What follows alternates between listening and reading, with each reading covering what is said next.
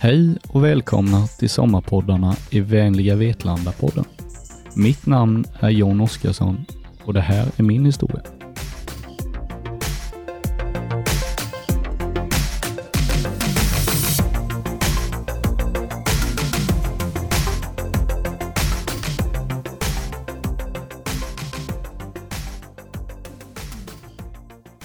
Jag tänkte berätta om min väg att bli lantbrukare och att jobba inom de gröna näringarna. När jag fick frågan om att sommarprata i Vänliga Vetlandas sommarpodd var det en smickrande känsla och en stolthet. Samtidigt som efter några dagar jag började grunna på vad jag skulle säga. Det är väldigt lätt att tacka ja till någonting, men som min morfar sa, nejet vinner alltid. Så försök tacka ja. Det som låg mig närmast om hjärtat och kändes mest rätt att prata om. Landsbygden och min resa från maskintokig liten grabb till att själv driva ett medelmåttigt stort lantbruksföretag. Som liten grabb började resan på Eksjö BB den 22 augusti 1993. Första tiden har jag själv svårt att referera till, men enligt mamma och pappa var inte någon tvekan om att maskiner hade en stor plats hos mig redan då. Mamma Lotta och pappa Pelle gjorde vad de då trodde var det rätta. De gick och köpte en svart röd trampetraktor med en gul lastare av märket Valmet. Med det sagt med glimten i ögat har jag alltid sagt att den dagen jag köper mig en Valmet, då är jag Bambi på halis. Oavsett traktormärke slits med lekglädje både traktor, vagn, hus och hem. Det fanns med säkerhet skrapmärke i både väggar och skåp i den lilla villan på Vetlandavägen i Landsbro. Under hela min uppväxt har alltid postadressen varit Landsbro. Jag växte upp med mamma, pappa och två systrar. Det blev senare en flytt från den lilla villan på Graninge till ett hus, kvarter mellan Landsbro skola, Borehallen och fotbollsplanerna. Uppväxten i Landsbro bestod såklart av skola, men fritiden var alltid fylld av kompisar, hockey och fotboll. Hockeyn var ett stort intresse i ungdomen. Med start på skridskoskola och Björnligan gick livet vidare upp i ungdomsverksamheten. Stor del av min fritid utanför hockeyträningar tillbringade jag på allmänhetens åkning. På allmänhetens har många bor och talanger formats och en otroligt viktig uppfostran i min uppväxt. Att få ta egenansvar, att gå bort till ishallen och lira lite med både yngre och äldre grabbar. Att ha respekt för andra människor blev ett faktum. Det tillbringades många timmar i hallen, både som spelare och publik. Man satt och studerade A-lagsspelarna på matcherna och man kunde då varenda namn, smeknamn och positioner. En stor förebild i hockeyn, en före detta Boikon och SHL-meriterande var Daniel Ljungqvist. En spelare man följde mycket. Han bar tröjnumret 6 och vi var flera grabbar i laget som ville ha sex på ryggen. Och det blev snabbt en tävling vem som var först till omklädningsrummet på matcherna.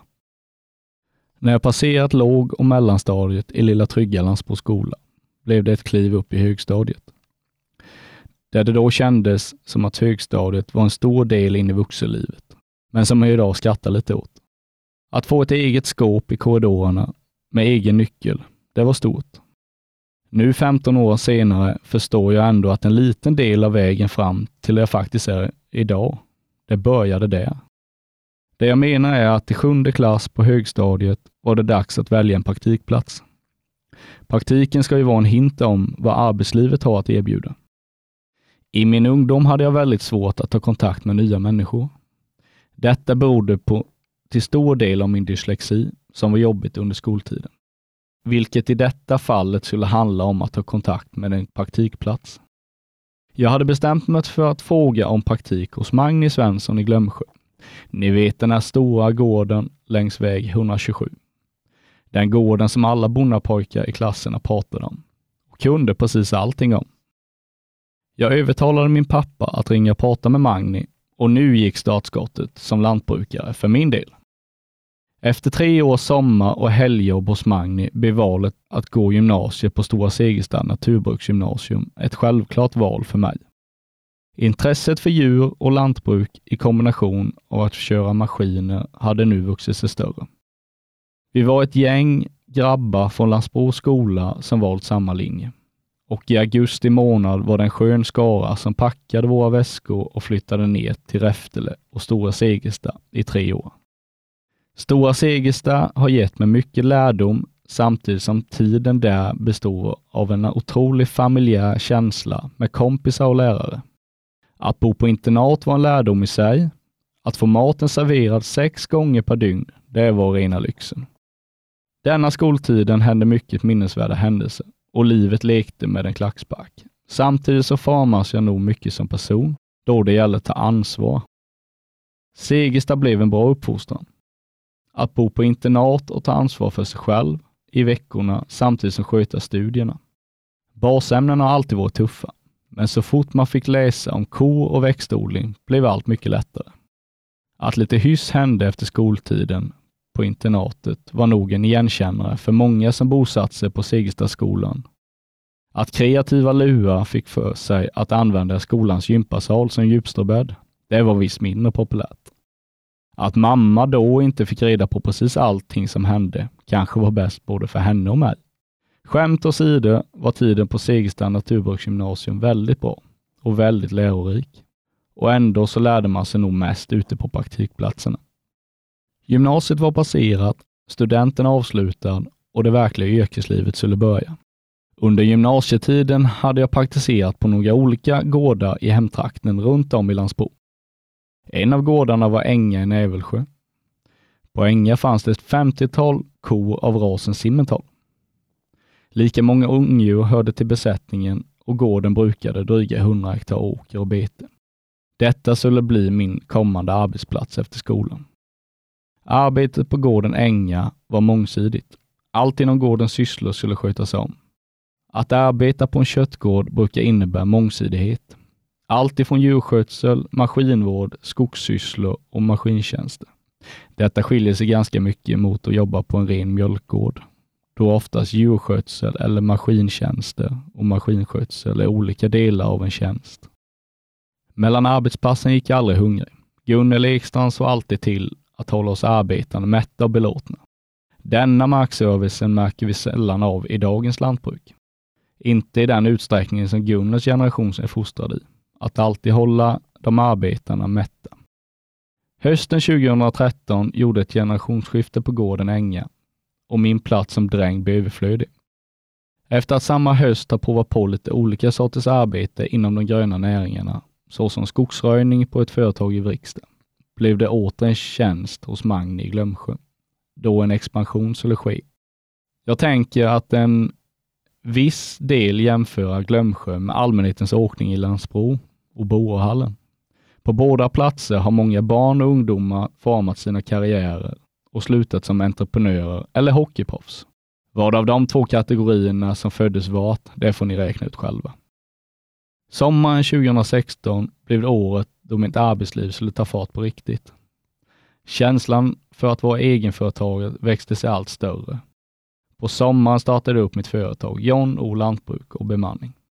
Jag hade nog då ingen större aning om vad detta skulle innebära. Men tanke och mål var att kunna frilansa lite på olika arbetsplatser under lediga stunder, så som på andra lantbruk och en del industrier. När jag hade startat mitt företag så fick jag för mig att jag skulle skaffa får. Jag trodde att det skulle bli min grej och jag trodde på det, så det satsade jag på. Jag och pappa renoverade en gammal lagård i Ljunganäs, gården som vi flyttade till 2006. Jag skulle ha får och syrran skulle ha hästar. 38 stycken tackor inhandlades och produktionen var i full gång. Min arbetsgivare i Glömsjö sa redan då att får är väl ingenting att hålla på med och ack så rätt han skulle få. Sommaren inom lantbruket är hektiskt. Djur ute på bete, fodret som ska skördas och vinterstallar som ska tvättas. Samtidigt som allt annat bara måste rulla på och funka. Kulturen inom den gröna sektorn är att man hjälper varandra om så behövs. Så även denna gången då min gamla arbetsgivare Enga behövde hjälp att pressa helsäd. Då åkte jag dit för att arbeta. En skållhet sommardag i juli befann jag mig återigen i Änga, sittandes i en glansig grön John Deere, men då som entreprenör. När jag pressat den sista vita balen passerar jag över Ängas vackra betesmarker. När jag ser den stora, fina ko och kalvflocken med rasen Simmental. De står och betar det sommarvarma gräset på Källeberg. Då flög en tanke förbi. Tänk om denna besättningen någon gång skulle bli till salu. Då skulle jag vilja bli en del av den. Det är en sån här märklig känsla som jag nog bara upplevt den gången. När jag kommer åkandes upp på Laggårdsgatan stannar jag till och diskuterar dagen och meddelar att jag är färdig. Jag minns att vi diskuterade allt mellan himmel och jord. När jag var redo att åka iväg blev jag stannad igen. Det var då den där tanken och känslan skulle bli verklighet. Det var en otroligt konstig känsla när jag körde igenom den här koflocken. Frågan från min gamla arbetsgivare löd så här. Vill du köpa djur och maskiner och arrendera gården i Änge? Att jag ens höll mig på benen var väl ett under. Det var nog tur att den 23-årige John Oskarsson hade öron. Annars hade nog leendet slått helvarv, utan lurar. Svaret var ju inte så svårt. Självklart var ju svaret att den 23-årige skulle bli egen lantbrukare. Det var ju en dröm som skulle gå i uppfyllelse. Så här i efterhand hade jag ju ingen aning om vad jag ens hade svarat på. Att gå från en trygg anställning till att belåna sig för en mångmiljonbelopp. Att arbeta 80 timmars veckor. Samtidigt så är det det jag drivs av. Att se en liten gnista som kan bli något större. Att kämpa för någonting man vill. Sommaren passerat och datumet då övertagandet skulle ske. Den 1 december 2016 blev jag egen lantbrukare och 50 dräktiga kor och ungdjur var inhandlade. Tre gröna John Deere-traktorer och en lastmaskin och massvis med olika redskap som behövs inom lantbruket. Att sätta sig in i att driva ett lantbruk skulle visa sig vara en oändlighet och frågan är om man än vet idag om man har koll på allt. Jag får ofta frågan hur man orkar med allting och arbeta så många timmar som det blir. Och visst, vissa dagar undrar man vad man ens, varför man ens håller på. Men alla andra dagar har man världens bästa jobb, eller som man ofta säger, en rejäl hobby och väldigt dyr. Att vara lantbrukare innebär många timmars jobb vissa dagar och andra dagar helt lediga. Och allt handlar ju om frihet under ansvar. Med goda rådgivare skulle vi ta detta skepp vidare. Med drivkraften och envisheten av att alltid vilja bli bättre och utvecklas har förändringar och utökningar gjorts och gör fortfarande. Med ett gott samarbete med banker och ekonomirådgivare så ska nog detta gå. 2017 skulle utvecklingen fortsätta. Gården Näversjö blev till salu. Mina resor mellan huset i Glömsjö, där jag då bodde, och Änga var inte hållbara under kalvningstiderna. Under kalvningstiderna så ska man ha en hög bevakning så att man inte förlorar några kalvar. I en dikoproduktion så är kalven det enda som ger ekonomi. Under kalvningstider så ska man helst inte vara ifrån djuren mer än ett par, tre timmar per dygn. Och under nätterna så är ju arbetet ganska hektiskt. På hösten 2017 blev huset mitt och en stor renovering drog igång. Huset blåstes ut och en helrenovering skulle göras. Innan renoveringen och allting drog igång så var vi tillbaka på husvisningen. Det var en ganska rolig och minnesvärd husvisning. Då mäklaren nämner att det var socknens fulaste och sämsta hus. Med de orden så tänkte jag att nu är det köpläge. När vi var färdiga med renoveringen så var varken huset fulast eller sämst. För första gången sedan starten har jag lämnat jaget mot viet. I den nyrenoverade kåken i Kärr i Näversjö socken bor jag idag med min sambo Sofie och mina två fantastiska barn. Elias tre år och Luna ett år. Elias kan beskrivas precis som jag beskrev min barndom. Otroligt maskinintresserad. Till skillnad mot mina föräldrar kör Elias en trampetraktor med märket John Deere. Att ständigt ha ett driv framåt är ett måste för mig. Så fort jag tappar drivet blir det tungt. Med hjälp av dagens teknik, att kunna slå ett samtal till kollegor inom branschen, att gå dagarna ända med peltokåpor på huvudet och utbyta erfarenheter. Att snacka skit är en stor del att man orkar bära allting uppe. 2020 blir året vi köpte till gården som tillhörde huset Nävesjökärr. Känslan av att äga något eget är ju helt underbart. Och nu blev vi markägare på riktigt. Dock endast den lilla fastigheten på 30 hektar så skulle mycket ställas i ordning. Röjningar var välbehövliga skogsbilvägar byggdes och avverkningar gjordes. Något som man gärna inte pratar om i de gröna näringarna, men som man inser blir allt mer och mer vanligt, är ångest och stress. De sista fem åren i mitt liv har tillbringats med mycket stress, ilska, ångest och ovisshet, samtidigt som otroligt mycket glädje har funnits. Glädje kommer när man lyckas, när man får något jobbigt att vända, när man når något mål man längtat efter. Känslan av att lyckas är för mig enorm. Men när saker går emot en, exempelvis sjuka djur, söndriga maskiner, kan snabbt övergå till ilska, stress och ledsamhet. Det är då man tar ett samtal och ringer en granne och inser att även på granngården strular det ibland och humöret vänder upp till det positiva igen.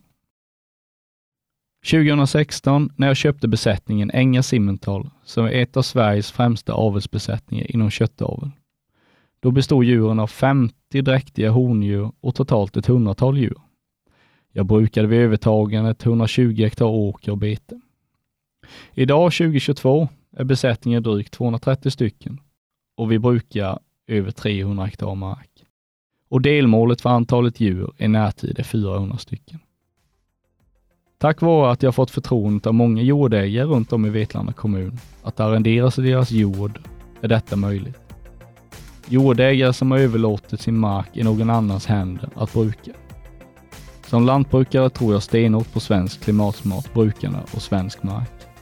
Detta görs av mig och mina duktiga lantbrukskollegor. Så många har samma driv som jag. Vi producerar svenska livsmedel bland av de bästa i världen om man kollar på klimatsmart och djurskyddssynpunkt. Vi har en av världens hårdaste djurskyddslagstiftningar. Detta vill jag säga igen. Var stolta när ni äter svenska livsmedel. För det är jag. Det var det jag hade att berätta om min resa från jord till bord eller från grabb till lantbrukare. Ett stort tack för att ni lyssnat och följ oss gärna via sociala medier. Enga Simmental. Tack så mycket!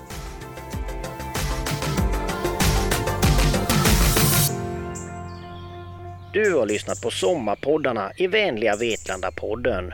En poddproduktion av Vetlanda kommun.